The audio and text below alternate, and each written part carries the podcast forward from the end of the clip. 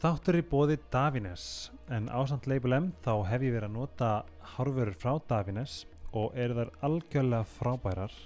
Um, það sem ég pröfa að hinga til get ég alveg bílæslega mikið mælt með en sérstaklega um, get ég mælt með þeim að því að þau eru sérstaklega alveg ekstra sjálfbærar og ég ætla að lesa fyrir ykkur eldsnögt að vörurnar eru án sílikons, parabena, jarðbytefna, gerfilítefna, dýraafurða og eru framleitar í Davinestorpinu á Ítalíu. Davines notar sérst einungis endur nýtanlega orku í framleistuferlinu þess að öllu leiti erum við með góða vörur með fullt hjarta í og þau eru algjörlega skrifinu undan þegar kemur að vörunum sínum.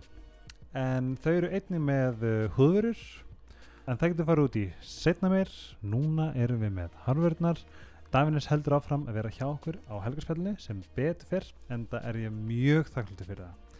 Eh, Ég mæli með að skoða Davines á Íslandi á Facebook, bara Davines á Íslandi, þar eru með upplýsingar og listaði við sögulegaðila. Ég þakka bara kærlega fyrir mig og áfram gakk.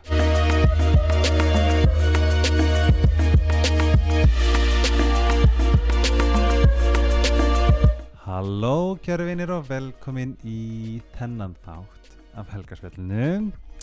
Ég er komið með gesti mín og ég er alveg pínu vandrarlega spenntur af því að hér setjum við og þetta er fyrst skipt sem við höfum heist. En ég er með listakonuna og tónlistakonuna uh, GTRN Guðrun Mm. Eifjörn. Velkomin. Takk fyrir Ég sem ég sagði við áðan þá er þetta svona ég veist, pod, að podcastið er svona fullkomin afsökund sem vera bara mjög stund geggjöð, mér er bara að geta að spjalla við hana. og þá bara svona, hei, viltu koma í podcast? Já, og þú Ég er ert búin að vera svona bara í gegnum núna á, á uh, vörum fólks já. alltaf á svo dásalan máta. Og ég held að enginn ha- þekki þið beint. Nei, ummi, mér finnst rosa gaman að heyra það finnst það ekki gaman? Jú, ég bara Æ, það svo gaman að fá eitthvað svona Þú veist, sem að fólk þarf ekkert að segja neitt fallegt Nei. um mig En það gera það samt. Já, og Og líka er sko bara að svona, bara hafa hvernig þú úðstrólar á ofnbyrjum vettfengum já, hvernig það getur líka haft áhrif á fólk. Já, ummi það finnst mér pínu geggjað. Já, en ég saði við áðan sem ég finnst ekki að fyndi en ég er sem sagt ég er ekki mikið inn í íslenski tónlistinu Nei. og vissi faktist ekki að þú værir þetta mikið tónlistakona þegar Nei. ég sé þig á Instagrami kærstæðins petta mhm, um, og ég bara eitthvað svona mér langaði helst að rífa mér hárið. Mér fannst þú eitthvað svo likeable og hvernig þú einhvern veginn úst, ú, útstrólaðir í gegnum það og ég senda hann um skilabóð já. sem þú fegst að sjá. Já. ég vissi ekki að væri þarna saman en þetta er svo fyndið. Þetta er einhvern veginn bara þess að núna fáum við tækifæri já, til þess að kynnast þér bara í allir sinni galúru ef það er orð já, bara við skulum búa til já, galúra og ertu tilbúin í Ready to Rumble? Ég er svo tilbúin. Ok, við keirum þetta svona hér þannig að að hérna, að þegar nú, nú er ég líka að kynna podcasti fyrir mér, þú verður ekki heyrt á þau Nei, þess að núna erum við að fara í gegnum svona hvernig prógramið virkar en já, ég er alltaf forvitt nastur að vita til dæmis hvað þú ert. Mhm, varstu Regina George of school já, eða varstu, þú veist Lisa Simpson of the school? Það er?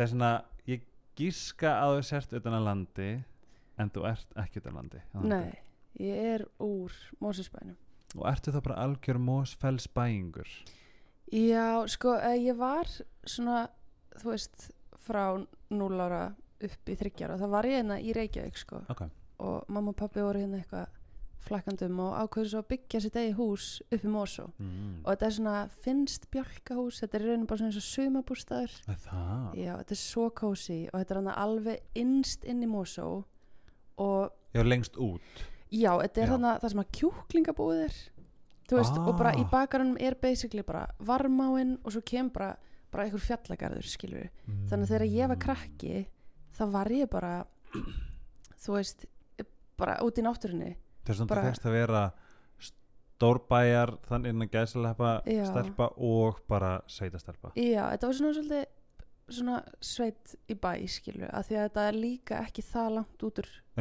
Reykjavík, skilur þetta er bara eitthvað svona kortir 20 myndir að keira. Ertu þá ekki líka með smá svona um, perratengingu við náttúruna enda þetta í dag? Ég er það sko og það er líka bara því að mamma og pappi þú veist, bera mjög mikla verðingu fyrir náttúrunni og Mhm. mamma er á eigilstöðum Er það?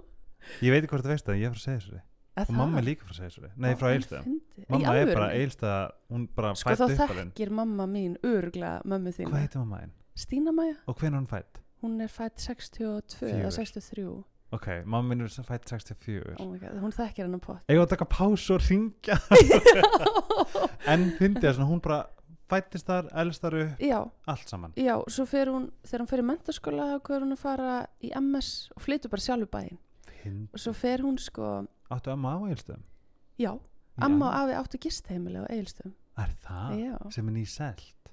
Uh, Það er ég, búið að byggja spa og eitthvað svakalæti en það er samt einhver en það partur af fjölskyldunum minni sem sko rekur þetta held ég. Er það? já, Og fer, ferð einhvern tíma? Já, eða svona þú veist, mjög sjaldan náttúrulega maður á Mhm. ekkert svona ferð um eigilstæði sko, En núna hef, hefur ferð að því að Seyðisfjörður Já. er perla sem allir þurfa uppgöta emmitt, ég hef Mm. nefnilega held ég ekki farið þangað en það, Það er perla Það er, það er perla já en allavega, mamma og pappi hafa mjög góða tengingu við náttúruna okay.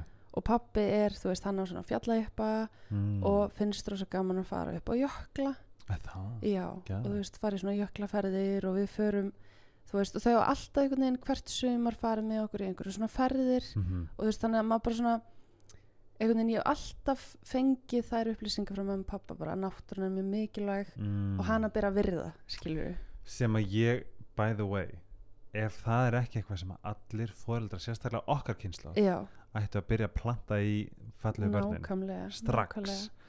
þú veist sérstaklega bara með hvað er í gangi svona já, í um, jú, í heiminum. Já, en indislegt ég, ég, held að, ég held að mitt náttúru svona læti hafa bara komið að þú veist ég sopnaði við læk ég Já. var upp í fjöllum þú veist fór á skíði, emmitt bretti.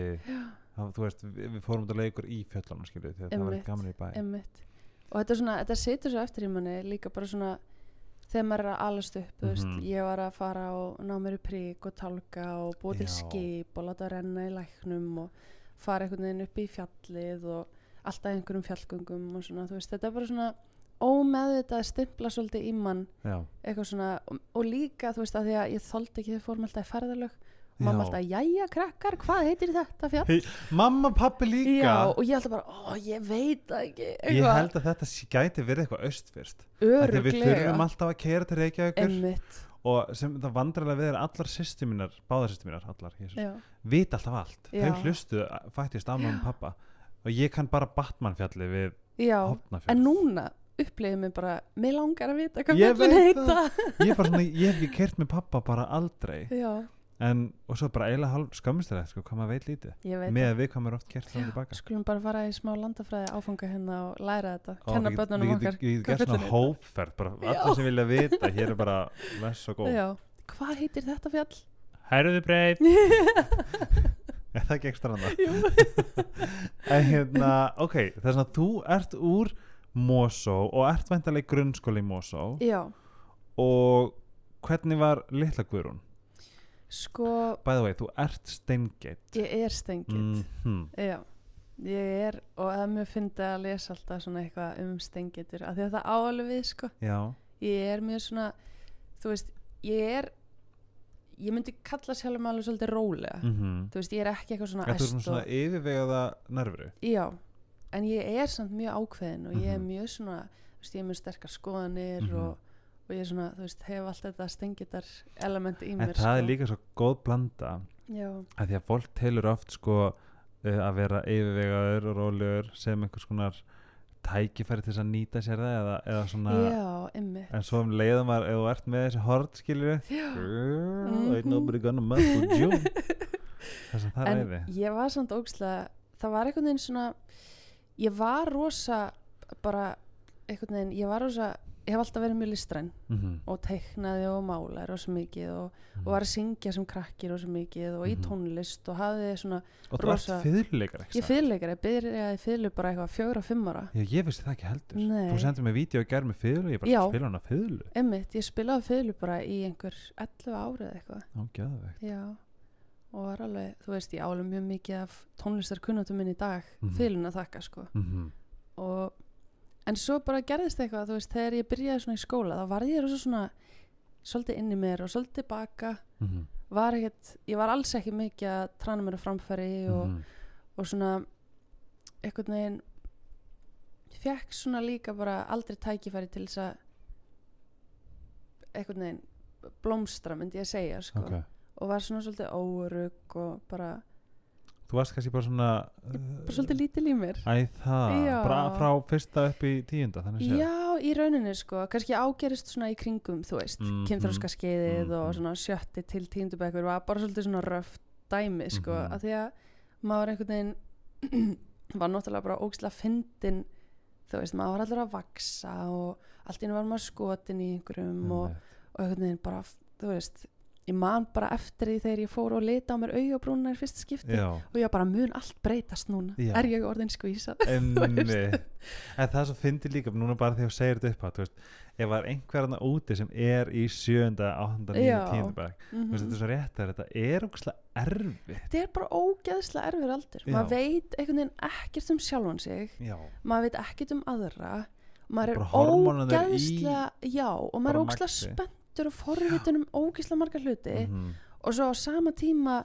horfum maður aðra og segir hei þetta er eitthvað sem að mér finnst flott. Já. og maður horfir á sjálfan sig og maður segir ég hef ekki þetta. Já, þú veist maður verður svona rosalega gaggrininn og, og þetta er, er rosa skrítin aldur sko. Og bara, uh, fólk getur orðið pínu andstyggilegt og aðri geta verið indislegir en meira bara Já. svona, þú veist, hvernig maður á að tækla þetta en bara svona, ef að er einhverjana úti bara, já, þetta verður þetta er, svo, þetta er svo góður lærdomur út í lífið. Emmitt þú veist, Já. getur ímyndað hvað við tókum með okkur bara, þú veist, í þá manneskjum sem við erum í dag? Emmitt en bara ef einhverjum vantar að heyra þetta þá, þá mótar þetta mann á dáslega nátt Já, að gera það nefnilega. Og ég til dæmis sko hérna, Halló? Nei, halló ég hérna, símnar sko- hindi bæði já hann er eitthvað ég er búin að setja hann að airplane en hérna uh, þegar ég ákvað svo vel með mentaskóla mm -hmm. þá valdi ég mér eiginlega mentaskóla út frá því hvað fáir af vinum mínum voru að fara í þann skóla Er það? Já.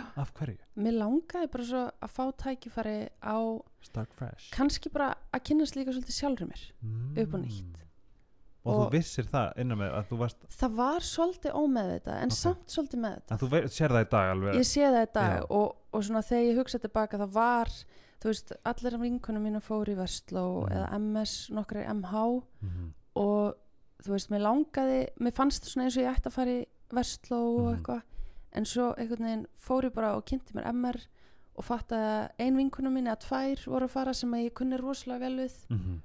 og ég bara svona, hérna held ég sé vettvangur fyrir mig Ok að finna mig Mhm. einhvern veginn, Hvað, hvernig ertu fætt? 96 Já, mm. þú ert ég komlega litli bróður minn já, já. En já, ok, já, þess að þetta er ekkert það langt síðan Þú bara, Nei, hvernig útskjáðast ekki þetta? sko 2016, Já, emmi þannig bara stutt síðan sko Þannig séð Já, En þrjú ár. hérna Já, en segjum við, þú veist, MR Hvað Já. gerist í rauninni Nærða blómstra, hvað er svona Já, mér finnst það sko Mhm. Þegar ég horfið svona tilbaka þá náði ég einhvern veginn að svolítið fara að móta mig sem að ég er í dag Mhm. og ég náði að kynnast fólki sem að var svo þetta var bara svona svo breytt mm Mhm. breið flóra af alls konar fólki Mhm. og það er svo gaman að kynnast fólki sem að er ekki alveg eins og þú Algjörlega og hefur ekki söm skoðanur og þú að því að þú veist þá getur tekið eitthvað og lært af þeim Einmitt. og, og líka að vera bara eitthvað já þetta eru skoðanir sem ég ætla ekki að- ekki að lifa eftir skilur Republikanir já, já. og hérna þannig að ég svona þú veist MR gaf mér rosa mikið. Þetta var kannski ekki alveg skólinn fyrir mig til þess að læra. Ah, ég hefði náttúrulega átt að fara í eitthvað skóla sem ég hefði getað sendt hliðina hans betur. Algjörlega. En samt sem áður þá kendi mér þú veist, kendi þetta mér rosa mikið og svona svolítið svona hark Mhm. þú veist, ég harkaði mig svolítið gegnum Það skóla er svona, þú ert náms svona námsklár já, Ég algjörlega en ég átti svolítið erfitt með MR samt. Ok, en ég get alveg, já, um mitt Já, þetta er erfið skóli og einhvern veginn ég var ekki alveg að sinna honum nóg og Mhm. þú veist, þetta svona þetta var svolítið hark í lokin sko Hvernig þá? ég var líka bara svona komin með smá kvíða Mm. Komin með námskvíða og prófkvíða og einhvern veginn en var líka svolítið svona að setja svolítið svona press á sjálfa mig að vera einhvern veginn fullkomin Já. skilur og vildi ekki viðkynna fyrir sjálfur mér eða öðrum að ég væri í vesinni mm sem að var til þess að náttúrulega bara lokum þegar þú gerir það þá bara kollapsari það bara hrundi alveg sko mm og bara svona fer út í svona skrýtna hluti þú veist, eitthvað svona pyrring út í fjölskyldu eða Mhm. pyrring út í þú veist, ég veit ekki hvað einhvern veginn og bara líka minn einhvern veginn bara bregst svo skringilega við. Nefnilega sko og bregst alltaf rámt við. Algjörlega. Bara á, á, á rungu hlutina einhvern veginn. Ég tengi bara það sem hún sagði við að, þú veist, að, að þú veist, ég bara upp í vinnum daginn fór bara, þú veist, var komin á stæma stað. Já, ég, var bara að snappa á sko, samstarfsfélagina mína sem ég einmitt. hef aldrei gert myndi Nei. aldrei gera. Bara þetta er ekki ég að neinu leiti þetta Ég er bara veit líka það. minn að reakta á ég veit það, ég veit það og þá einhvern veginn, þú veist og svo þegar þetta hrundi þá náttúrulega bara þurfti ég að tala um mamma og pappa og, og viðkjanna fyrir en það var svo erfitt að viðkjanna þú veist, það er eitthvað að Já. þú veist, ég, og ég get ekki díla við þetta einn Ah. og Það var hvernig svo hvað fegstu erfitt. rauninni hugur ekki til þess að fara til þeirra mm, það er auðvilt að loka sig inn skilur og bara gráta já, ég held að hafi bara verið ég er bara komið nóg, ah. þú veist, ég bara ég vildi ekki mm standa í þessu lengur og mér Mhm. langaði að laga þetta og skilur sérstaklega líka sko á þessum aldri þá heldur maður líka maður sé ósýrandi og, og maður er svo fullorðinn og veit allt Já. og þú veist. Bara allur pökkin þannig að ég fór í kviðameðferðstöðina já þú fóst bara Já, ég bara já, ég fekk bara að ringja og vinkunum mín benti mér á að þetta Mhm. væri sniðut sem mm hafði farið í þetta áður Mhm. sko. Og bara, þú veist þetta var ógislega að finna því ég hef aldrei farið til sálfræðings eða neitt þannig áður sko. Já. og ég ætlaði að vera svo töff sko mm og labba hann inn og bara, þöp. Já, og bara þetta er að, þetta er að, þetta þarf ég að laga. Og svo mæti hann og ég bara mm, og fór bara að gráta. Já og ég bara greti checklistin 40 lagaði mig mínútur. Og hún bara, já, við ætlum kannski bara að hittast aftur. Ég bara, já, ég held að það sé gott. Þú veist, en þarna bara ég held að þetta hafi verið bara loksins er ég búin að opna á vandamál sem er búið að Mhm. bögga mig svo lengi um, sem að ég sjálf hef ekki horst í auðvið um, er ekki líka bara veist, er ekki líka bara í svona ferli mikilvægt að bara brotna til þess að geta byggt Jú. aftur? 100% eins og bara þetta svo, ég elska þessa hugmynd að tala um sko, þú veist, eins og þegar hjarta okkar brotnar Já. sem er veðvi, já, það þarf, það, það þarf að brotna til að stækka. Já, þetta er sama með hérna japanst keramík. Ef það brotnar, einmitt. þá er nota gull til þess að til þess að laga, er líma það? saman. það vissi ég ekki. Já, það er svona, þú veist, það að brotna er eins vond og er frábært tækifæri til þess að stækka einmitt, og vera betri. Að að þá ertu að þú þarft að setja eitthvað í það til þess að laga það og ef maður þarf að brotna þá skal maður bara mölbrjóta sig því að þannig þannig byggjum við skilur Já. húsið upp á nýtt. En mér finnst líka svona horfandi tilbaka þetta vera mómenti þar sem að ég fór loksins einhvern veginn, einhvern veginn þarna kom ég loksins. Já, þarna var ég komin og þarna ætlaði ég þú að ert bara fara komin í pottin og tilbúin að vaksa Já, það var alveg svoleiðis. Ok, og einhvern veginn læriði svolítið að standa með sjálfur mér. Mm Þú veist, fór að vinna rosa mikið í meðvirkni mm. sem að ég fattaði ekki að væri vesen nei, fyrir en að ég maður- já. fór þarna skilju og bara svona áttaði með á því bara vá ég er ofta, þú veist, og bara svona litlir asnalegi hlutir. Mm sem hafa bara fullt áhrif já, bara hei, langar það að koma á lögadaginn þú veist, að djamma? Já, og mér langaði ekki og ég bara já, já. og svo langaði mér ekkert að gera ennþá á lögadaginn og ég bara, jú, ég verði að gera. Skilju, að því að veistu, já, við rættum þetta líka já, ef að Sara Marí er komin inn, ég veit ekki en það er alltaf Já. þáttur með henni sem við ræðum alveg ótrúlega ítalega um já einmitt, og að þetta er svo hulið dæmi ég veit það. Ég held, þú veist, meðvirkni býr inn í örgulega bara 89% af fólki en já, með því að finna hana já, og get, þú veist, maður þarf að vera meðvitaður til þess að vinna henni. Meðvitaður meðvirkni er einhvern veginn uh, meðalið eða lausnin. Og þú veist, og maður einhvern veginn getur líka alltaf dottið aftur í pottin mm. eða þú veist, aft, maður getur alltaf lendi í að vera bara eitthvað, vá, nú var ég gett Einmitt. og þú veist, þú get ekki átt að segja á því aðstæðanum, skilju en þá er nóg að bara, heyrðu, þarna var ég meðvirk algjörlega, það veistu það næst.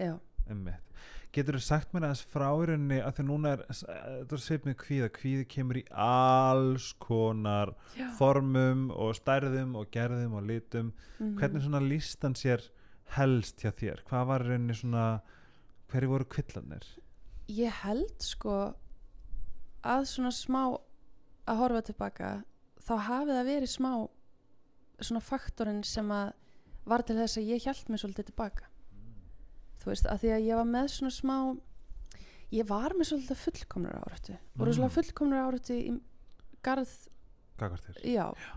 Og það svona síndi sem þegar ég var krakki að æfa fiðluna. Mm. og það þurfti alltaf að vera fullkomið og ég var alveg brjáluð.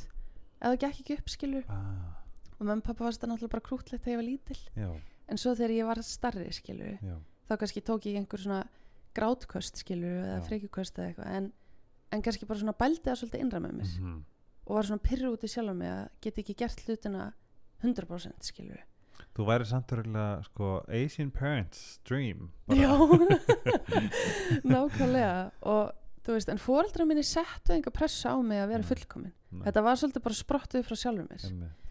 og og einhvern pældi veginn hvað þetta er samt þungur sko á svona ég veit, það, ég veit það. Og það var örgulega líka ástæðan fyrir að þetta svona var svona svolítið erfitt í mentaskóla mm að þetta var einhvern veginn bara svona búið að matla svolítið skilur ágerist. Já, ágerist þarna og einhvern veginn, kannski öðrum formum líka. Já og þarna þurfti ég líka bara að viðkynna bara ég er svo langt frá að vera fullkomin. Mm ég mun aldrei geta að vera fullkomin Já.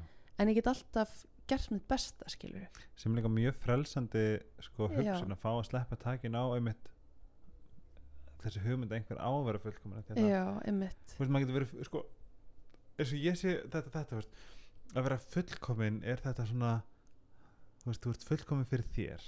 Já, það finnst mér vera svolítið góð, hérna, góð að þetta er sama kannski hugmynd og ég know. Já, einmitt líka sagt ég er fullkomin. Veist, ég know, ég er fullkomin fyrir þig. einmitt. En fyrir aðra þá er ekkert, ekkert sem heitir fullkomin. Nei, ég veit það. Skilurðu? og svo líka bara það sem er líka búið að vera svo gaman einhvern veginn þessi ferill sem ég er búin að búa til mm -hmm. og að vera svona mikið í kastljósinu Mm -hmm. það, veginn, það hefur líka gefið mér svo mikið af því að Mhm. þú veist það er fólk, fólk hefur skoðunur öllu Mhm. og þær eru neikvæðar og þær eru jákvæðar Mhm. og þá þarf maður einhvern veginn að vera líka svo meðdæður með bara það er fólk að núndi sem mann finnst ég ekki vera geggjuð Mhm. og finnst ég kannski bara vera frekar umleg og leðileg skilju Já. og bara allir pakkin og þá þarf maður að setja svo fast í sjálfum sér og segja en þetta er eitthvað sem að mér finnst gaman að gera. Og, og ég hef ánægja á þessu og þetta, þú veist þetta Ég skiptir sko- máli fyrir mig. Já og ég held líka sem að, það sem bjargaði mér í þessu það var hérna bara þessi einfalda setning bara við erum ekki allra. Það er engin allra. ég Skiptir veit það. engu máli þá hvort þú sért Oprah já, eða Barack Obama eða Ellen DeGeneres skildu. það hata fullt af fólki Ellen DeGeneres. Já, og svo elska sumir ég, þú veist hvað við, þú veist fyrir okkur er algjörlega óhugsandi einhver hata Ellen DeGeneres. Einmitt, þú veist að því hún er bara að hjálpa dýrum, hún er þetta, hún er þetta já, en það er svona, ég mandi þegar ég gerir sjónvastáttin þá lendi við, eða lendi ég í smá aðkastið bara á netinu. Og þetta var, þetta er svo geggju tilfinning að hugsa bara bara, that's none of my business. Nei, það er líka smá frelsandi að fá bara eitthvað svona bara, vá, þessi gæla er glötuð. Já, og þú veist, að því að fyrst er maður eitthvað wow, já, bara, byrju fyrir ekki halló, skilur emmi og svo er maður bara eitthvað, já, á fólk getur, fólk, og fólk má hafa þessa skoðun. Og þú pælir í því. Það, Já. hef, það hefur ekkert með því að gera nei, skilur, Nei. það sem þú gerir við kjarnandinn og Einmitt. þig það hefur allt með því að gera. Einmitt. Og En- það, þú veist, neikvæð áhrifin þau eru náttúrulega svona, þú veist maður verður að geta verið bara eitthvað. Og það er oft talað um það, þú veist, neikvæð neikvæðni frá öðrum verður maður að geta verið bara eitthvað svona. Já. en svo er eitt sem að fáir tala um já, og það er jákvæðni í þinn garð. Já, og það er oft svona finnst mér þegar fólk er og þú veist og ég upplýði þetta rosa mikið eftir ég vann íslensku tónlistavölunin mm þá var fólk bara vá þú ert svo ekki sönguna Mhm. og ég er svo spennt að heyra nýtt efni -hmm. og bara hvenær kemur nýtt efni og Mhm. hvenær kemur næsta og blá og eitthvað svona og þá fór ég einhvern veginn þá var alltaf komið svo mikið pressa á að gera vel algjörlega og að gera betur Mhm. skilur og allt í hennu fór ég að hugsa byrju, nú þarf ég að gera eitthvað sem að, sem að aðrir vil, munu fíla skilju. en þá ertu búin að týna þú veist, að því að mér gekk vel mm -hmm. að því að ég var að gera mitt eigið sem að mér fannst flott. Einmitt. Og maður verður að standa svo vel í sér Mhm. með næstu verkefni og segja, heyrðu ég þarf að gera þetta á mínu fórsöndum að það er mjög stóð flott. Og kannski missir maður þá þú veist, kannski er þá einmitt fólki sem var rosalega mikið að peppa mann það mann segja, heyrðu, þetta er ég ekki fíla. Þetta er ekki það sem ég var að búast við. Nei, einmitt. Einmitt, og veist, og þetta er líka smá trikki að geta Mhm. staðið undir jákværi pressu. Ah. það er nefnilega að tala enginn um þetta. Nei, og ég, þegar þú sagði þetta fyrst þá hugsaði líka, þú veist ef þú segja við mig, ó, hérna æðislegt, eitthvað eitthvað sem ég geri, já, og þá er einhvern veginn svo oft það fyrsta sem við, svona okkar náttúrulega uh, response sem heitir já, response, já, það er eitthvað svona æ, nei, hætti nú eitthvað Já. svona, æ, æ, ég hefði nú, ég nú alveg getað gert þetta betur og æ, þetta var bara eitthvað sem ég einmitt. dró frá mér erminu, veist, maður svona eh, sko, já, gera svolítið lítið úr því ef maður fær hrós. Ég veit það. Þú veist, í staðin fyrir að vera 100%. bara, ha, ég er einmitt búin að reyna að temma mér þetta þú veist, þegar fólk kemur og segir við mig bara vákvart að gera ótrúlega góða hluti. Mhm, og þú veist, og vera líka bara vá, takk fyrir að segja þetta. Já, þú veist, að það er heldur ekkit sjálfgeð að fólk farið sinni leið til þess að segja við þig bara algjörlega. eitthvað jákvætt, skilju og, og taka það inn og vera bara veist, alveg eins og neikvæðni. Þú veist, Mhm. maður máli taka það inn og segja, heyrðu, nei, þetta er bara ágjöfið. Mhm, eða mér finnst þetta ekki, mm, þú veist, þetta er gaggrinni mhm, já, manneskinu maður finnast þetta en mér finnst þetta ekki. Og svo maður fólk komið jákvætt og þú mátt segja, já, þetta er kannski bara alveg rétt. Ég er alveg sammála, takk fyrir. Já, bara, ég segi bara ef þetta er hrós, bara grifti það, mm opnaði hjartað og kastaði inn. Leiði, að blóm, þú ert bara svona að vaksa nákvæmlega. En allt nú fór að hugsa þegar þú sagði þetta með já, nei, jákvæð pressa í já, hvað rauninni. pressa, já, Já. en svo, já, nei þú sagðir þú ert bara að gera þitt. Já, og þetta er líka fast mér og ég, þú, þetta sló mig smá. Já, við erum svo vöna hérna byrju, þess er að gera svona, það virkar. Ég ætti að pröfa það líka. Einmitt það er líka eitthvað sem að maður, maður verður líka, ég þekki þetta alveg sjálfur bara svona, eitthvað. En þetta er líka einhvern þessi hugmynd þú vilt hafa fólk með þér í hlutum sem kemur líka bara frá þér. Einmitt, ekki að því að eitthvað þér að eða því að Já. þessu gauð sem er, gengur ókslega vel akkurat. skilur veist hvað það er? Já, en það er nefnilega þú veist, að því þú mátt vera inspireraður mm. af hlutum og Mhm. öðru fólki og eitthvað. -hmm. en þegar á bátninu kvöld, þá verður þetta að koma frá þér. Þér. Þú veist, þú mátt verða frá áhrifum frá öðrum mm en það verður að vera þitt eigið. Algjörlega. Að því að, þú veist ef ég myndi gefa út lag sem að væri samið með því einhvern veginn takmarki að aðrir myndu fíla já, það væri engin einlægni í því frá mér. Nei, og fólk fílar einlægni. Bara það er eins sem virkar. Já, að því að þú veist, þú hlustar á tónlist og þú hlustar á texta og þú Mhm. fílar textana að því að Mhm. þú, þú tengir af þig mm það er það sem að ég fattaði þegar ég fór að gefa Mhm. tónlist þú veist, ég er ekki, ég var svo stressu fyrst sko, -hmm. að ég var eitthvað, vá hvað á fólk eftir að hugsa þegar að hlustar á textana og, og á eftir finnast ég vera asnalega að segja svona og eitthvað, Mhm. og svo kom fólk og sagði bara, vá, ég bara tengdi svo mikið við þetta, þú ert bara að tala um mína upplifun þá var ég bara, vá, ég bara að henda út einhverju sem að fólk tekur -hmm. og, og tengir við sínar Einmitt. þú veist, ef þú ætlar ekki að vera einlægur Mhm. og gera eitthvað sem að þú veist, kemur frá þér Mhm. hvernig ætlar þú þá að samfara fólk um að þú veist, að tengja við það á einhvern hátt Mhm.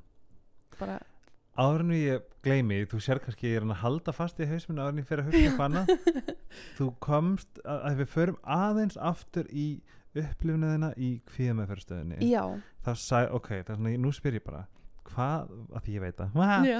hvað var besta ráð sem þú fegst í þessu ferli að því að Já. það var it was a bomb it was a bomb það var geggjað sko að því að þá fór hún að tala um sko uh, meðvirkni og, og einhvern veginn svona þú veist, hvar Vera- maður stendur mm -hmm. s- sjálfur skilur mm. og alltaf hún vera sagði fyrir bara, eitthvað já, og hún sagði sko þegar þú ferð yfir gangbrut Mhm. hvað gerur og ég eitthvað svona var og kvumsa ég bara, já, bara, þú veist, ég, ég veit ekki Lapp, lappaði yfir hana mhm, og hún eitthvað, já, og hvernig gerir það? Mhm. og ég bara, ég veit það ekki þú veist, hægri vinstri, eitthvað. Og hún eitthvað, já, en ertu ekki alltaf svona þú veist, þú setur svona hendina upp svona rosa stressuð, þú veist, og drífur þið yfir hafbrautina, nei, gangbrautina til þess að vera ekki fyrir, skilu og ég bara, jú, jú, ég geri það. Mhm. og hún eitthvað, þú átt réttin á að lappa yfir þessa gangbraut. Mhm. Þú veist, rétturinn er hjá þér. Mhm. og þú átt og þú mátt lappa yfir hana á þínum hraða og taka þitt plás og taka þinn tíma. Og þú mátt meira þess að setja huguna aðeins upp já, og bara og bara Já.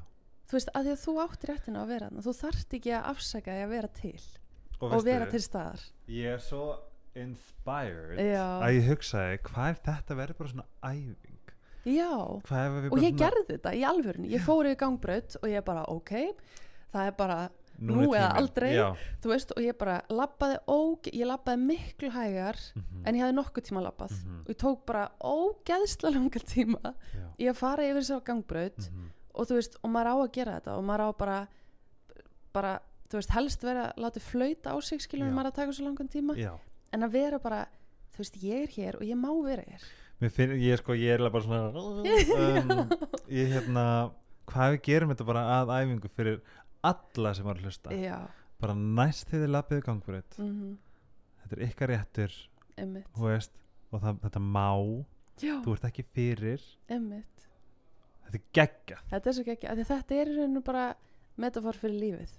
Þú átt rétt á að vera hérna eins og allir aðrir. Mm og þú mátt vera, þú mátt þú mátt bara vera hérna og þú mátt segja það sem þú vilt og gera það sem þú vilt. Einmitt og líka sko hver er rétturinn okkar? Einmitt. rétturinn okkar er að segja nei þegar við viljum það ekki.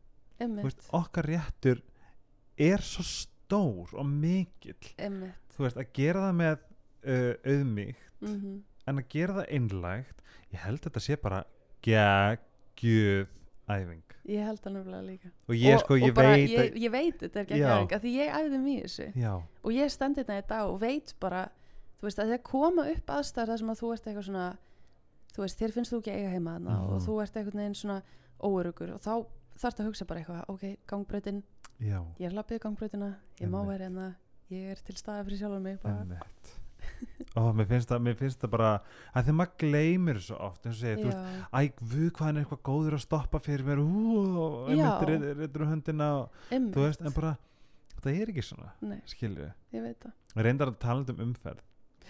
Það, ég hérna, er búin að æfa mig að hleypa öllum sem ég get hleypt.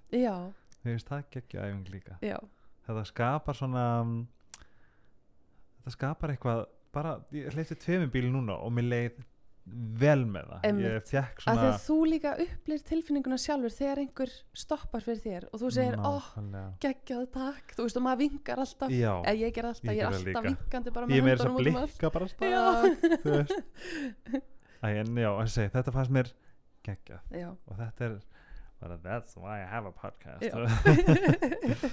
En segðu mér samt, nú erum við komin svolítið yfir í tónlistakonuna mm hvernig byrjaði þetta já, og hvernig svona hvernig hefur ævintri verið og svona hvernig ég, það sem ég líka fórhættin hvernig tekur þessi skref og hver líka hvað er að gerast í haustum ára meðan þú ert að taka þessi skref? Hvernig Já. komst GTRN á það stað sem er dag? Emmitt sko, þegar ég kláraði mentaskóla, mm þá náttúrulega var svolítið í haustum á mér svolítið svona eitthvað, nú þarf ég að fara í háskóla. Mm. nú þarf ég að gera eitthvað í líf mitt. Sálfræði, viðskiptafræði eða lögmannin bara 100% eða læknin skilur þá er allir að fara læknin úr. MR skilur um, og ég fann þessa press alveg og var einhvern veginn smá svona en þú veist, en mér langaði ekkert að fara í þessi nám. Mhm. það var ekkert sem að kallaði á mig. Mm þannig að ég uh, ég sótt um styrk. Nú mann ég ekki hvað var sem ég sótt um. Eitthvað, jú styrktarsjó Viljáns Viljánssonar og fekk styrk til þess að fara í áframhaldandi söngnám að varst í söngnámi ég byrjaði söngnámi í mentaskóla mm. og það var mjög fyndað því að ég hafði aldrei sungið. Mm sem bara- er styrlað já, ég var bara svo feimin, ég bara Já. þorði því ekki. En og fannst að ég líka styrtu vera með svo- já, Já. já, í rauninni en samt ekki, þú veist, mér fannst ég vera með svo dökkarödd og mér fannst hún vera eitthvað svona astnaleg og ég man að þegar ég byrjaði MR þá hitti ég stelpu sem að var vinkunum minn þegar við vorum yngri. Mm. Hún sagði, vá, ertu með hálsbólgu eða varstu að byrja á mútum eða? Ó, og það bara svona, þú veist það satt í mér. Ég Einmitt. fattaði ekki fyrir en bara setna hvað það satt mikið í mér og ég var bara, vá, já, ég er með ekki all ljóta rödd. Bara, mér fannst það alveg 100% já. og fólk má passa sér stundu hvað er, hvað er hend út af sér? Ég veit það. En svo sko, hérna var ég alltaf að tala um að mér langaði að fara í söngna. Mm og ég hætti fyrirnáminu. Það er einhvern veginn bara svona að ég, ég hafði ekki jafn mikla ánægja á þessu. Og þetta var svona orðið bara meira kvöð heldur en gaman Ánægja, sko. og þá einhvern veginn á maður ekki að halda sér yngur bara til þess að gera það. -hmm. þannig ég hætti því og mamma bara skráði mig í inntöku próf, FJá, nei, upp í Mosó. Já. Og ég einhvern veginn bara, já, já, geggja og hvað skóli það? bara tónlistaskóli Mosesbær Ah, og mætti í þær pröfur eitthvað og var búin að, þú veist, pikka upp sjálfa hafði aldrei læst á píano og búin að pikka upp sjálfa hann að heyra mína bæn já, og mætti í pröfunar og bara spilaði og söng sjálf. Já. Og svo eitthvað, hérna. Það, ó, er það ekki ennum Elli? jú, Ó, ógislega fallið já, falleg. Og, og ég eitthvað svona ok, já, takk fyrir, eitthvað ógislega feimin, bara sveitt, skilur var Já. svo stressuð. Og labba eitthvað út og það er eitthvað svona, við látum við vita hvort þú komist inn eða ekki og ég Mhm. eitthvað ok, flott og labba út og svo heyri ég bara hörun eftir mig bara svona, bara svona rjúka upp. Já, og það bara, Guðrún, Guðrún, þú ert komin inn. Nei. Við verðum að segja það. Ó, og þaðan einhvern veginn bara þar allt í hennu fann ég eitthvað passion. Já, og líka kannski acceptance það var ekki smá viðkenning þetta var smá viðkynning og allt í hennu já ég veit ekki, þetta var bara svona eitthvað þarna átti ég heima. Ah, þú veist og þarna einhvern veginn, ég fór í tíma og hann var búinn áður en ég byrjaði að því að það var svo gaman já, skilur bara svona tíminn bara svona flög frá mér einhvern veginn, ég Einmitt. hafði svo mikla ánægju var þetta pínu bliss? þetta var algjört bliss var þetta bliss? algjört bliss og ég byrjaði þannig í tímanum og byrjaði svona í jazz hérna söng mm. sem ég er ennþá í sko Mm. og þaðan fór ég í inntökuprófi FIH og flög þar inn líka já og einmitt, útskrifast úr MR og fekk hennar er styrk þetta? Þetta- FIH til dæmis FIH er auðvitað 2015 já, ok, já, en þá 2016. í MR já, Já. já, og svo útskrifast ég úr MR Mhm. og ákveð að fara að sækja mér hennar styrk og Mhm. taka mér bara árspásu Mm. að ég var bara komin með rosalega svona, þú veist, námsleiða Mm. líka, ég bara svona nefndi ekki bókum já, það var bara svo erfitt líka þú veist, ég bara, ó, bara náðu útskrifast og bara, wow, takk fyrir mig búið, bless já, takk bless já, og fekk þennan styrk sem að borga upp söng og píanunám Ó, og fór bara all in í það og sama tíma og ég einhvern veginn fekk hennar styrk þá hérna, ups, ítti ég okkur takka hérna, þá ákveðu Teitur og Bjarki vinnum mínir Mm. að spyrja mig hvort ég vildi koma að gera með þeim einhverja tónlist þeir Mhm. voru að byrja að gera eitthvað svona beats já, er þetta eitthvað sem að veikar er? þeir kalla sig Ratio Ok. og þeir gera alltaf tónlistina fyrir Clubbed Up Ó, já, og gera Og klöptak ekki sína tónlist þeir, þú veist, semja lögin lögin Já, en ok. þeir eru sagt að pródusera mm. allt dótið Ú, já. og þeir eru unni komaðan og eru bara að stíga sín fyrstu skrifa tónlistinni mm. alveg eins og ég, þú veist, ég hef aldrei og saman þú þetta áður þekktir það fyrir ég þekkti Tate Já. en ekki Bjarka Ok. og við kynntust þarna í gegnum þetta mm og búum til einhver tvö lög eða eitthvað sem er svona lala eitthvað er þetta eitthvað sem lög sem er á Spotify? nei, en þriðja lagið það er fyrsta lagið sem ég gátt hvað er það? það heitir Ein sem er á plötunni líka og söngst það ein? þú ert- ekki með neitt með þér nei, nei, nei, það heitir Ein já, já, já, en, og þú söngst það ein líka ég sönga Ein, já, já, já og rosa Ok. ein í þessu allir en með þessu fann það strákum og, hérna, og í framhaldi af því þá kemur plötufyrirtæki og vil gera samningu um mig er það? Já. út frá þessu lagi? já, bara ákvað Vá. að taka sens þarna með mér og þá einhvern veginn byrja allt að rúla og svo gef ég út uh, eitt annar lag. Þá svona byrja að koma sem aðtegli Mm og við erum bara að vinna að þessari fyrstu plötu minni. Svo, þú veist, en erum svolítið lengi þú veist, ég Mhm. gef út þetta fyrsta lag 2017 -hmm.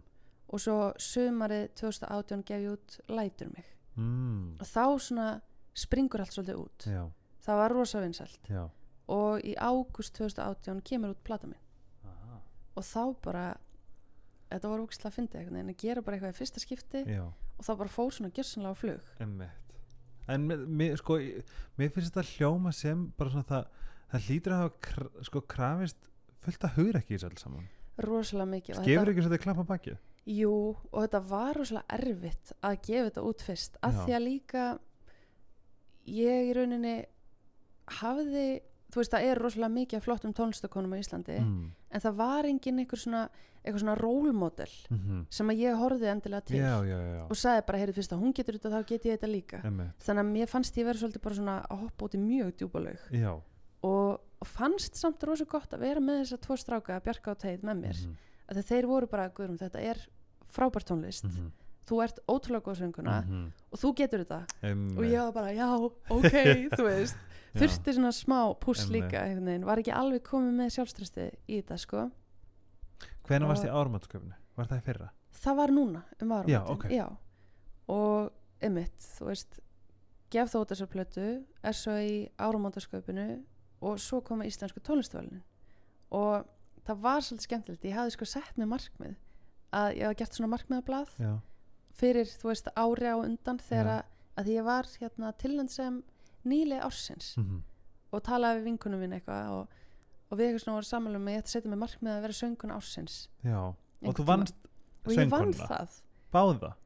ég vann Nýlega? söngun ársins, Já. ekki, ekki hann og nýlega heldur tónlistavælunum núna í ár já, þá varstu söngkona söngun ársins Mhm. og þú veist, hérna plata ársins og lag ársins og myndband ársins í alvöru? Já, vann fern velun í alvöru? ég sá vídeoð þitt þegar þú kvartir aðra konur. Já, hvaða varst að taka móti þar?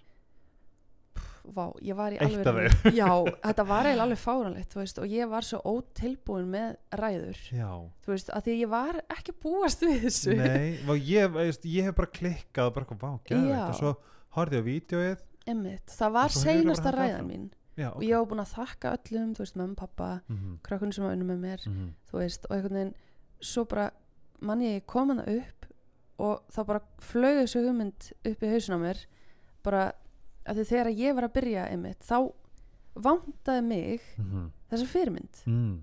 þú veist, hún, er, hún var örgulega til staðar en ég fann mig ekki fann mér ekki, þú veist, Mhm. sjálf einhverja fyrirmynd þannig í augnablikinu og allt í hennu var ég bara, ég verða að gefa þessum stelpum sem voru í sama pakka og ég Mhm. þannig bara smá þú veist, come on, já, let's go. Já Mhm. í rauninni þetta puss já, sem að ég fekk frá öðrum og þá sagði ég mitt bara, þú veist þetta er mögulegt, þetta Mhm. er hægt bara gerið þetta.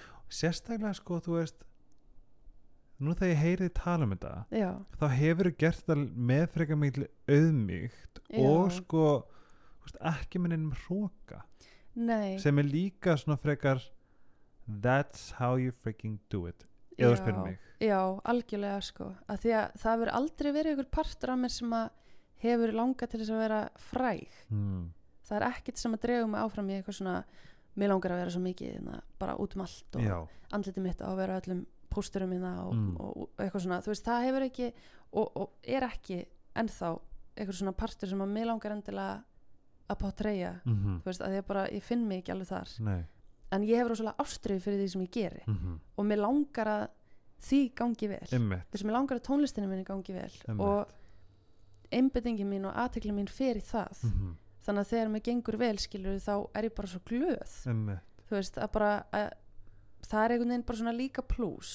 Emmitt eða svona bónus mætti Já. segja, veist þessi velun eru bara bónus. Mm að því að þú farið ekkert alltaf einhvern bara svona velunagripp í hendunar nei. Bara eitthvað til hafa mikið úr er vel. mikið viðurkenning.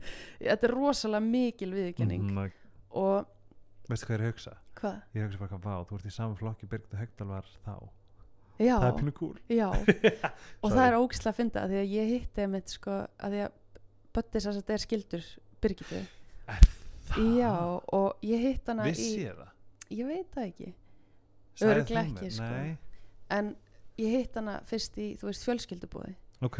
Og þú veist, Hvernig ég var svo mikill aðdánd þegar ég að var djóka? yngri, ég var alveg bara þú veist, ég hlustaði svo mikið á Írafár já, og ég hlustaði svo mikið á Grís Mm. með henni og og Jónsa. Mhm, og þú veist, ég man bara eftir einu mómenti það sem að, þú veist, besta vinkunum minn sem ég var yngri, mhm. þegar ég var yngri við vorum að leika okkur og stóri sýstrana komu. Og þessu, heyrði, við ætlum að fara í svona leik já. Og við ætlum að taka viðtal við og þú ert Birgitta Haugdal Mm. og og ég man bara eftir momentin ég satt og ég var bara, ég er Birgitta Haugdal Já, ég, sko, ég veit ekki hvað er við hana ég er svo mikið fan. Já, en hún líka, þú veist, maður finnur líka þarna, þarna er eitthvað alvör algjörlega eitthvað sem að hún bara hafði passion fyrir auðmýkt. auðmygt og þú veist, kom frá sér því sem að hún vildi gera skil Mhm. og hún er algjör fyrirmynd. Er það ekki? Jú, mér finnst svo gaman að hvernig var þetta fjölskylda nú við bara komin í eitthvað svona Sko, já, ég bara, ég held ég hafi bara kynnt mig og, og svo, þú veist, ég við hana setna bara, ég var algjör aðdæðanda þér skilju, ég hef aldrei verið bara eitthvað þú er best í heimi og fyrirmynd skilju, af því að það er líka svo fyndið skilju má ég fá ein handar árið. Nei, en hún er ógsla flott og það er ógsla gaman líka að vera búin að kynast henni og finna Einmitt. svona, þú veist, emmitt það sem hún talar um, svolítið auðmygt mm Mhm. auðmygt, erfitt orð. Auðmygt, já, svona humbleness. Já, ég elska þetta orð. Ég elska hérna auðmýkt svona hugtakið. Emmitt ég held að allt, all, allir töfrar gerast í auðmýkt já, ég held það líka. ég held það nefnilega líka. En já, ég eins og ég bara vókum veist gaman að heyra þetta. Straight from the horse's mouth. Já, en segðu mér svona í um, framhaldinu já, hvað er hvað er á döfinu og hvernig svona hvernig heldur þessi momentumi sem þú ert í núna Rauninu, hvað er momentumið sem þú ert í núna Já. og hvernig ætlar að nýta það í framhaldinu sko eins og staðin núna þá er ég bara orðin svolítið örugari með mín markmið Mhm. og það sem að mig langar að gera núna sem er tónlistin Mhm. og að því að þetta var svo fyndið þegar ég var að byrja þá er alltaf eitthvað svona fólk eitthvað, já, ertu farin í eitthvað háskólanámi eitthvað, nei, æ, ég er bara í tónlistinni þú veist, dróði þetta svolítið niður, skilur og núna er ég eitthvað neginn bara svona, vá, hér á ég heima einmitt. skilur, hérna get ég setið sa tímunum saman mm. bara, og haft svo gaman Mhm. og bara notið mín svo vel og þú veist, þetta er bara, þetta er eitthvað svona You lífsköllun found your bliss já, algjörlega og einhvern veginn tækifærin sem ég er að fá núna eru svo spennandi Mhm. og þau eru svo þau eru svo mótandi Mhm. þú veist, ég er að læra svo mikið Mhm. og bara læra inn að sjálfa mig Mhm. og hvernig ég verð betri tónlistarkona þú veist, ég er að fá að kynnast fólki sem er búin að vera í þessu bransa í rosalega langan tíma Mhm. og fá einhvern veginn, það er líka svolítið svona sem að verður að muna skilur Mhm. að þótt að, þú hittir einhverja manneski sem er í sama brans og þú og þau finnst hún kannski ekkit geggjuð Mhm. þá hefur hún samt eitthvað að segja. eitthvað að segja. Og hún, hún er búin að ganga í gegnum þetta sem þú ert búin að ganga í gegnum. Einmitt. og átt eftir að ganga í gegnum og að ganga í gegnum. Þannig að þú eru líka að sína einmitt auðmygt þar skilur og Einmitt. vera bara, heyrðu, hérna er manneskja sem að kannski á ekkit við þú veist, kannski tengi ég ekki við Hana- þetta og hitt sem hún er að gera Einmitt. en ég get samt lært eitthvað af þessari veist, það er ógstlega mikilvægt en líka bara svona þú veist í rauninni hvað varandi bara það svona að hérna þú veist segja nei eða standa Já. með þér eða þú veist hvað, hvað svona kemur það hvað er spilar svo það inn í það er ógstlega erfitt af Já. því að fólk kemur til mann svo er eitthvað svona, heyrði ég er með rosa spennandi verkefni Mhm, og mér langar svo mikið að þú sést partur af þessu mhm, og maður horfir á þetta og maður segir, þú veist, þetta er flott verkefni en ég finn mig ekki sjálf í þessu mhm. skilur og þú ert bara þar núna já og það, það er samt ógstlega erfitt að Já. segja nei þú veist, en þá verður maður að segja bara, heyrðu, mér finnst þetta rosalega flott mér finnst þú vera að gera góð hluti en þetta á ekki við Mhm. mig og ég ætla ekki að taka þessu í augnablikinu, takk En- fyrir að senda mig. Já en þarna líka þú veist það sem við tölum áðan veist þarna er greinilega komin ákveðin svona awareness svona Já. meðvitund varandi meðvirtuna já, Þú veist, einmitt. hversu auðvelt væri fyrir að segja bara "Ah, já, já, já, já, já. veist. Og taka þátt í ykkur verkefni þá eru orðið ofseint að snúa við. Já þú veist, þú vilt frekar bara leggja línunar mm Alveg um hvenar, leið. hvenar byrjar þar? Hva, hvaðan svona er það bara svona ég held eiginlega bara svona út frá þessari kvíðameður stöð ok, þá náði ég svolítið að byggja þetta upp. Ok. Og svo er það náttúrulega bara búið að koma hægt og róla mm og þetta er bara þjálfur, bara þetta er bara þjálfun og Böðvar kærasti minn er líka búin að Já. hjálpa mér ósum mikið með þetta. Og við þurfum að tala aðeins um beður já, við skulum tala mjög mikið um hann. Já, hann er aðeinslega sko. Og einhvern veginn, ég kynnist honum bara rétt bara nokkrum dögum eftir ég gefa út plötuna mína já, og það er svo frábært það er svo frábært að kynnast einhverjum áður en að allt fer svona afflug áflug Mhm. skilur, af því að þá er maður líka svo einhvern veginn svona staðfastur bara með Já. manneskinni skilur Einmitt. og næra einhvern veginn og við náum að gangi gegnum rosalega skemmtilega hluti saman saman og líka rosalega erfiða hluti Já. að því að hann núna í byrjun árs um, þurfti að fara í heilaskurðagerð já á ammælistæðin minn. Nei.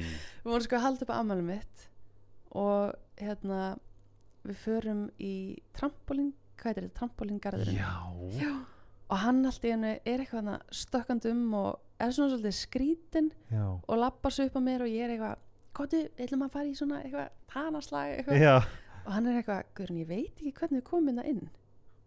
Og ég eitthvað svona, að því, þú veist, ingangurinn var fyrir aftan hann sko, já. Ég eitthvað, hvað meinur og fyrsta sem ég kveiki á er bara, heyrðu, hann er komið heilaristing á, og hlaup, hleyp hana í póka því oft kastar maður upp þegar maður fyrir heilaristing já.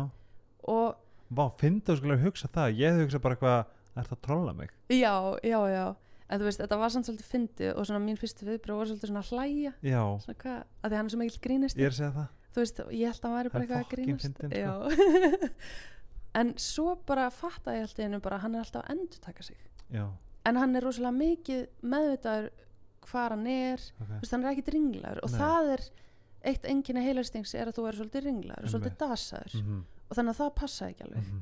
og hann segir aftur aftur eitthvað eða ég segi eitthvað svona, ég held að þú segir með heilarhristing Mhm, og það er eins og hann hafi meðtakið, eða meðtekið það mhm. og er eitthvað, já, hérna ég líti að vera með heilarhristing, heiladingullin hefur hrist eitthvað og ég eitthvað svona nei, ég er eiginlega alveg sem að heiladingullin hristist ekki.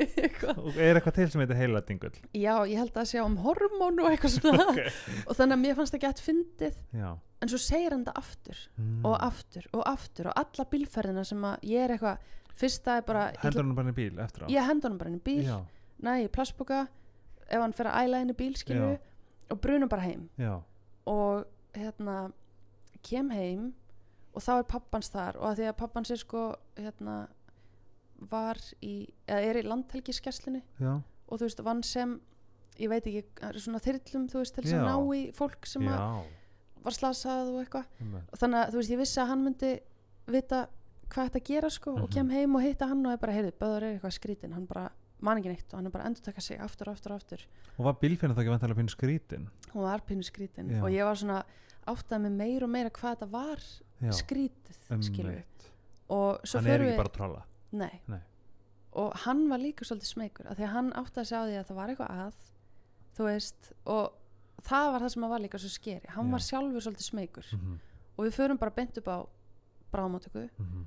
og okkur er bara að skuttla beintinn Já, þú veist það er bara ok, hérna er mjög heilbriðstrákur já, þú veist sem er ekki massaður já, mjög svona massaður þú veist stundar kraftlifting, kraftliftingar er, þú veist drekkur ekki, eða drekkur sjaldan, reykir Mhm. ekki þú veist Mhm. bara er ekki að taka inn neinn efni, þú veist hann Mhm. er bara heilbriður í alla staði, mhm. með svona góðan hérna, hvað, svona blóðþristing þú veist var bara þetta að segja bæsa já, með rosalega góða biceps, þú veist, þá er eitthvað Hún greip þess að í armum Já. og ég bara, já já, og hérna þú veist, það var líka svolítið skeri af því Þetta að var það- ammælistagurinn bara já, já, já, hann var bara fúp, bara farinn, sko. Einmitt. og það, já, ég saði líka, veist ekki hvað dagur er? Hann sagði nei, við sagði já, ammæli og sagði, guð til að hamngi ammælin ammæli Í ástu bílnum? mín, já, já og hérna uh, og svo bara í rauninni gengur þetta á í rosa langan tíma. Mhm. og það sem er fyndið svona eftir á er að hann fór að segja alltaf sömu brandarana Ah. aftur og aftur og aftur og aftur. Nei, og let mig taka upp sama sketsin aftur og aftur og aftur og aftur, aftur.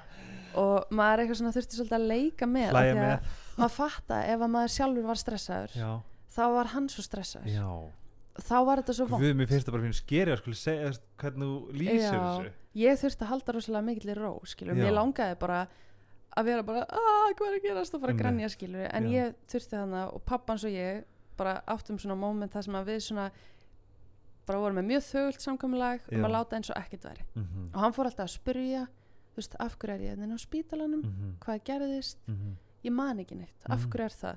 Og við eitthvað, já þetta er allt í lagi. Mhm. það er bara eitthvað, þú hefur bara aðeins fengið eitthvað höfðögg Mhm. og þú ert í góðum þú veist, og þurftum bara svona Peppa bara. bara að vera róleg, skilur þótt að við værum í rauninni alveg að panika inn í okkur sko. Og svo í rauninni gengur þetta á bara í nokkra klukktíma og við þurfum bara að sitja þarna og hlusta á hann endur taka sig sko Já, og svo það var ekkert komið ljós kom ekki til ljós Nei, og ég gisti hana með honum uh, yfir nótt á Já. bráðamötugunni mm. og maður er náttúrulega orðin bara rosalega bugar þú veist, það er Mhm. líka bara, ég veit ekki hvort það er komið inn á bráðumöndukuna, þetta er rosalega intense intens, það er allir rosalega veikir Mhm. og rosalega lítið pláss, Mhm. fólk er bara út á gangi það? já, bara fótbrotið Er það satt? það er satt, sko, það var bara fólk bara á rúmum, bara fram á gangi þetta Ó, var, Ég held að væri bara eitthvað svona þetta var rosalega skrítið bætum heilbriðskerfið já, please mm, og við gistum hana heila nótt og svo fer hann í fleiri rannsóknir næsta dag og það er ekki fyrir um kvöldið þú veist, í Næsta rauninni dag. sólarhing setna skilu sem að við fáum að vita hvað er að. Þú veist, og læknarinn kemur inn og segir heyrðu, nú ertu með eitthvað svona hnút mhm, aftur þessu hausnum og það er svo mikil þrýstingur í hausnum að þér að það er að hafa áhrif á sjónina og þú getur bara, ef ekkert er gert þá getur við bara mist sjónina. Og við þurfum að setja það í aðgerð bara morgun. Strax. og þarna, þú veist segir hann þetta læknirinn og hann fer og við erum hann að tvö eitthvað og allt í hennu föttu bara bæði bara, eða ég fatta bara, ok, hann er með heilægsli og hann er að fara í heilaskurðagur á morgun. Einmitt, þetta er eiginlega versta situation sem að ég gat hugsa mér. Einmitt, þú veist, að því maður var búin að vera að vona maður er svona ekki búin að reyna að hugsa neikvætt. En svo bara bam, kemur þetta og maður Já. var bara, ég bara brotnaði niður og grét skilju og hann náttúrulega bara líka skilju og líka bara öll þessi spenna og vera inn á þessum stað þú veist, Mhm. þetta er ekki þægilegustu aðstæður í heimi. Með fullt af veiku fólki í kringu sig. Mhm. og þú veist, ég manna þá kom pappi og náði í mig að því ég ætlaði bara að vera þarna áfram skilju og hann sagði bara, veistu það Guðrún nú þarf þú, þú veist þú ert búin að vera þarna í rosalega langan tíma. Mhm, þú getur ekki verið til staða fyrir einhvern annan mhm. ef að þú ert ekki til staða fyrir sjálfur. Og Einmitt. tók mig heim. Ú, mamma eldaði fyrir mig mat bara ef þú ert ekki til staða fyrir sjálfa þá getur ekki verið til staða fyrir aðra. Mm. það er bara svo leis Mhm. mm -hmm. Þetta var ekki ekki Ég Og- svona gæsað og svo hérna ég mig Já. í nokkra tíma og kom aftur Svo er mamma en eldaði já, hún Mm. er svo sætt mamma mín er alveg besti heimi sko. Ég er að að hringi með mig beint eftir podcast Sigga Maja, heitur hún það? nei Mamma- Stína Maja Stína Maja Stína Maja, Já. Kristín Marja Kristín Stína Maja Maja ok. og hérna uh, kem hann og svo einhvern veginn bara þú veist Hvernig fer hann í við, aðgerðina? hann fer þá í aðgerðina Um morgunin eftir Já og ég fæ að vera þannig með honum líka yfir næstu nótt Mhm. Og þetta var svolítið fynda því að þarna fundu við líka hjá hvert öðru svolítið svona við erum hérna Vaxtarkipp. til staðar fyrir Mhm. hvort annað Bara- Einmitt. through thick and thin skilur og það var alveg geggjað. Það var svolítið svona breakthrough í okkar sambandi finnst mér sko. Mhm. og Örlun líka, þið áttu að kynnast þarna og gangi gegn þetta já, á og ammælistæðin minn. Þannig að Happy þetta- birthday. Já, nákvæmlega. Uh, og svo einhvern veginn þú veist bara fór hann í aðgjafna daginn eftir og hún gekk vel Bara gett vel bara, Var, veist, Hvernig má ég spyrja, er þetta bara er borað bara í hausinu? Hvað? já, hann sem sagt þeir vildu ekki fjarlæga þennan hnút Nei, en þeir vildu að því að mænuvökun var ekki að komast úr heilanum á honum niður hrygginn eða hvað sem Já. hann fer skilju þannig að þeir þurftu í rauninni að fara með slöngu hérna efst úr haustum á honum og niður hérna og búa til nýja leiðslu fyrir vökun til þess að minka þrýstingin og hann sagði sko læknin þegar þeir boruðu gatið mm. það var svo mikil þrýstingur það var bara, Nei. bara svona skust smá upp úr, úr svona upp, Þetta er svo, Leiðsluna. þetta er svo Grey's Anatomy sko. Ég veit bara, þetta var fáránlegt mikið þessi til í alveg og svo þetta var samt svo mikið relief, þetta var svo mikið spennufall þegar hann var komin hann þegar hún var rúlað inn eftir Já, maður var bara, þú veist?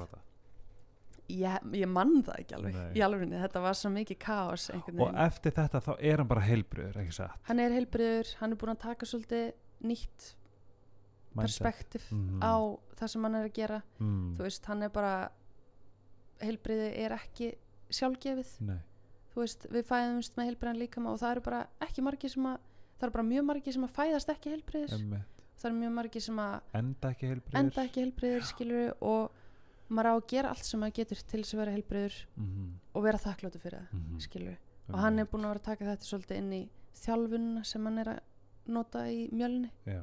Og stundum líka sem er svona Ég ætla ekki að segja að sé svona leitt en, þa en það er það samt pínu hvað stundum hvað fólk þarf að fara í í gegnum erfiða tíma til þess að fatta þetta. Ég veit. En mín er svo það sem ég er inn að gera og ég hvet alla aðra til að gera er bara að taka upp þetta þakklít og þakka fyrir nákvæmlega þetta hverjum degi að því við eigum ekki að þurfa að gangi gegnum svona erfið til þess að fatta hérna hvað við erum blest og hvað við erum heppin. Ég veit það. Það er bara, það er svo mikilvægt sko. Og ég áttaði mikið einu sinni á þessu fyrir að þetta gerðist sko. Segðu mér hvenar hérna, hvernig kynntust þið? heyrðu, sko við vorum náttúrulega búin að vera svona við þekktumst í rauninni ekki neitt. Nei, ekki neitt. Og hvað hann var. búin að vera víst að senda mér eitthvað svona Snapchat og eitthvað skilum og ég hafði víst bara opnað þetta. Ég er svo léleg á samfélagsmiðlum. Já, ég er alveg hræðileg sko og. Snapchat bara ég er ofta að opna og svara eitthvað svona viku gömlu já ég líka. þú veist og fólk eitthvað ég man ekkert hvað ég var að senda þér. Same. en hann hafði sér sagt verið að senda mér eitthvað ég hafði aldrei svarað. Hvar fann hann þig? hann bara hafði séð mig Já, og fannst ég bara eitthvað sætt og, og, og langaði bara að pröfa að reyna eitthvað við mig. Já. Og hérna og svo ógislega fyndið sko sendur hann mér eitthvað á Snapchat eitthvað svona sem átti að virðast vera svona tilgætt margra. Já, eitthvað svona áður svo leiðilegt að fara í Union og maður er etru og allir eru svo hellaðir eitthvað og eitthvað svona. Og ég, ég er fæ góð þetta gauð sem drekkur ekki. Já, og ég hef og, og svara eitthvað svona já, einmitt, ég ætla að fara að djammið en er föst upp í sófa og nenni ekki og eitthvað svona. Já, og byrjum bara að spjalla út frá þessu. Og Ok. hann býður mér daginn eftir eða þú veist, býður mér að koma á date bara þetta samakvöld hann bara grípur færi um leið og gerst Ok, eða eitthvað svona, talar um eitthvað hann sé að fara í hagkaup og ég eitthvað og það er svo langt fyrir mig að fara upp í hagkaup. Ég er í Mosó. Og hann eitthvað, heyrðu, var með eitthvað snakk og nokko og barbels eitthvað og ákvað að nota þetta, Jú, jú. Uh, þetta þessi meina tæki sem hann er búin að fá Þannig og bara, menn ég ætla að bjóða þér í taste-test á morgun. Nei. Og við hittumst og bara spjöllum og spjöllum og spjöllum. Hann bara pikka mig upp og við förum bara rúnd Ó, Íslanda rúndur Ísland og rundur, bara deitmenningin alveg ekki til staðar sko. En það bara smalli eitthvað. Og fór þið í sleik? Við gerum það. Já, já, strax. Já. Æn gaman. Og svo einhvern veginn bara, ég veit það ekki við verðum bara strax mjög náinn mm. og bara eittum mjög miklum tíma saman. Og svo svo fyndi þegar hann sko hérna, ég held að hann að hætta með mér. Já. Þegar hann sagði fyrst við mig að hérna, hann elskaði mig sko. Það var Mm. ógeðslega fyndið. Æ. Hvernig, segðu mér. hann eitthvað svona saði eitthvað svona hérna eitthvað já eitthvað ég er nú ekki verið eitthvað sagði eitthvað svona þú veist og ég eitthvað svona ah þetta er nú ekki þetta búða nú ekki gott. Og hann eitthvað já mér langa ég hef svona verið að pæla í þessu svolítið síðustu tvær vikurnar og mér fannst bara rétt að segja þetta og ég bara já já hann er að fara hann er að fara að slúta þessu. Svona bara ég held að ég bara sé smá bara meira skotin í þér bara ég held ég bara elski og ég bara ha? Eða það? Really? í alvörinni já, Og er hann ekki eins æðislegur og maður heldur? Jú og bara meira en það sko, Já. hann er frábær. Og það er, þú veist, og mér finnst ég líka bara að það er svo gaman að hitta mannski sem að þú veist, gera mann sjálfan að betri mannski, þú veist, Einmitt. kennir manni svo mikið og bara, þú veist, mér finnst ég alltaf vera að læra eitthvað á honum og Mhm. mér finnst ég aldrei hætta að læra eitthvað á honum. Um, og ég held að eigi líka við þú veist, að ég vona að hann takja líka frá mér Þú veist sko. stengið að hann er fiskur sko, hann er að læra á já, hverjum skal nákvæmlega, nákvæmlega En nú er ég, hans Instagram er Bötti B eða ekki? B, öti, nei, Nei, Reynisson. Reynisson, Reynisson, já við erum bæðið með eftirnöfnin Einmitt, Reynisson, það. Reynisson og Eifjörð Já, já, því að sko, hann verður að fá sjátt Hann er svo fucking góður á Instagram Já, Það ég veit Ég veit það. ekki hversu oft ég skrifa til hans bara Hvernig dettur þetta í ég veit það, þetta er ótrúlegt þetta bara kemur bara svona. Þú veist, hann bara tekur upp myndavélun og tekur upp eitthvað og maður bara allt í hennu komin í eitthvað. Ég er bara eitthvað svona genial skett sem er Já. bara svona, veist, það er eins og hann hafi verið að undirbúta bara í einhverja mánu einmitt, Hann en er þetta kemur bara svona gjörsamlega genial. Ég veit það, og hann heitir Reynisson á Instagram. Reynisson á Instagram. með. já, En, já. mín kæra mm eitthvað að lokum? Ég Bara- meina spurningu fyrir þig en já, eitthvað sem að eitthvað sem þið dettur í hug? Bara það sem ég er búin að tala um. Áfram svolítið lífið. bara, ef að, ef að mér langar að ef einhver er að hlusta sem að vill taka með sér eitthvað áfram þú veist, sem að ég er búin að tala um þá er það bara trúið á ykkur sjálf. Mm þú veist, verið svolítið staðfest í ykkur þóriði að taka pláss farið yfir gangbrödd mm, Ó, Mhm. farið yfir gangbraut að þið þið eigið réttin nákvæmlega, og lappið yfir allar gangbrautir, lífsins gangbrautir. Yes. Því að you, you have the rag, boom. Mm og ykkar einrað segðu mér eitt, hvað er besta ráð sem þú fengið? sko, það er auðvitað þetta gangbreytar dæmi Mm en núna finnst mér eiginlega bestarað sem ég hef fengið komið frá Bubba Mortens. -hmm. að því ég hitt hann um daginn og hann Já. er mjög skemmtilega karakter. Já, og hann sagði við mig talaði til dæmis um náttúruna og lofslægið og eitthvað svo sagði hann, Guðrún ef maður er ekki að augra sér eða ef þú ert ekki að augra þér þá ert ekki að gera neitt rétt ú Já. og ég er svolítið búin að vera svona en að lupa þetta núna ó, sko af því að það er skeri það en, er en skeri rétt. en það er svo rétt að því að þú veist þá skiptir þetta mann svo miklu máli Já. hlutinni sem maður er að gera já, og maður verður svolítið mikið svona þú veist, það er svolítið erfiðara já, að að gefa út hlutina þú veist eins og nú er ég að gera þetta í tónlistinni já, ég er að gera nýja plötu núna er það Já. hvernig kemur hún út? Veistu það? vonandi bara bráðum, fyrir en jól? svo veit maður aldrei. Nei, fyrir jól eða aðeins eftir jól. Ok, það er svona planið. Ok. Og þú veist, hún er augrandi og hún er erfið fyrir mig skilur Mhm. sem listamann. Mm en þannig áleika að vera. Er hún þú? hún er ég, Mm. hún er gjörsamlega ég. Og þetta er alveg svolítið nýtt sound. Þú veist og ég veit ekkert hvernig fólk á eftir að taka í þetta Nei. en ég fíla þetta. Er það svona pínir rosa keyboard? Dum, dum, þetta er rosalega mikið að live hljóðfærum. Ó, ok, Já. ég var bara að geta djók sko. Hefur séð Ross á keyboard? Í Friends? Ah, ok, fólk sem fattar þetta fyrst ég geðt fyndin en Ah. þið finnst ekki ég hef hort á Friends en ég bara man ekki að svo langt síðan. Já, ok, þess að þú ert með live hljómfæri. Já, bara rosalega mikið live trommur, live, ætlum að fá live strengi live, einhvern veginn, þú veist Maggi, Magnús Jóhann er að spila á píano, ég veit ekki hvort þú þekkir hann mm, og strákur sem heitir Jón Nazareth eða Arnar Ingi. Mm. og bara, mér finnst þetta geggjað. Geðveikt. ég er svo spennt fyrir þessu Ég er spennt bara, þú veist, að því ég finn hvað mér finnst þetta flott. Emmi, þú veist, ég trúi svo mikið á þetta. Emmi og ég er að augra mér. Og þá Ja. er þetta eitthvað sem að ég er að gera rétt. Veistu hvað hann á að heita? nei, Ó, ekki hugmynd. Ok. Alveg, það kemur bara öruglega á seinasta Við Síðasta spennt með, ég er mjög Já. spenntur. Og reynda komin út fyrir jól, mér vantar svona nýja tónlist. Já, ég skal reyna að gefa nút fyrir jól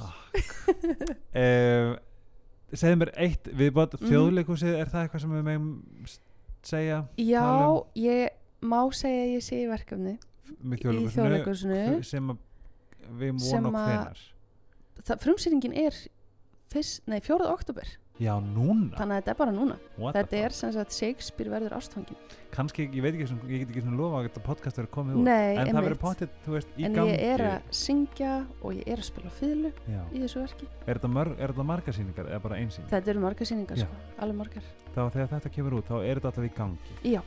Þess að þið getið fundið Guðrún er þar. Mhm. Þið getið líka fundið Guðrunu á Instagram Eifjord Jeps. Og þið getið fundið hana á Spotify undir GDRN sem ég get ekki mælt mér með. Já. Þið getið fylgst mér á Instagram Helgi Ómarsson og trennet.is Helgi Ómars, takk æðislega fyrir að koma og nú við bara officially vinnir nákvæmlega, bara like it or not. Nákvæmlega. Takk æðislega fyrir að koma. Takk og gangi við, lægt að fylgjast með já, við heyrumst, bye. Bye